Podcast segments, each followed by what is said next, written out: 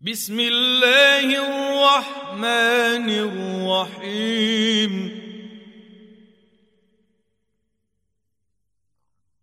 أرأيت الذي يكذب بالدين فذلك الذي يدع اليتيم ولا يحض على طعام المسكين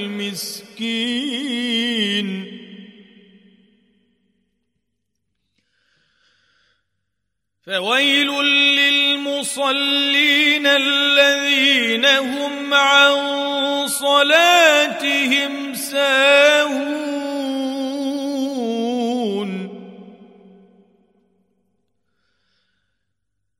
الذين هم يراءون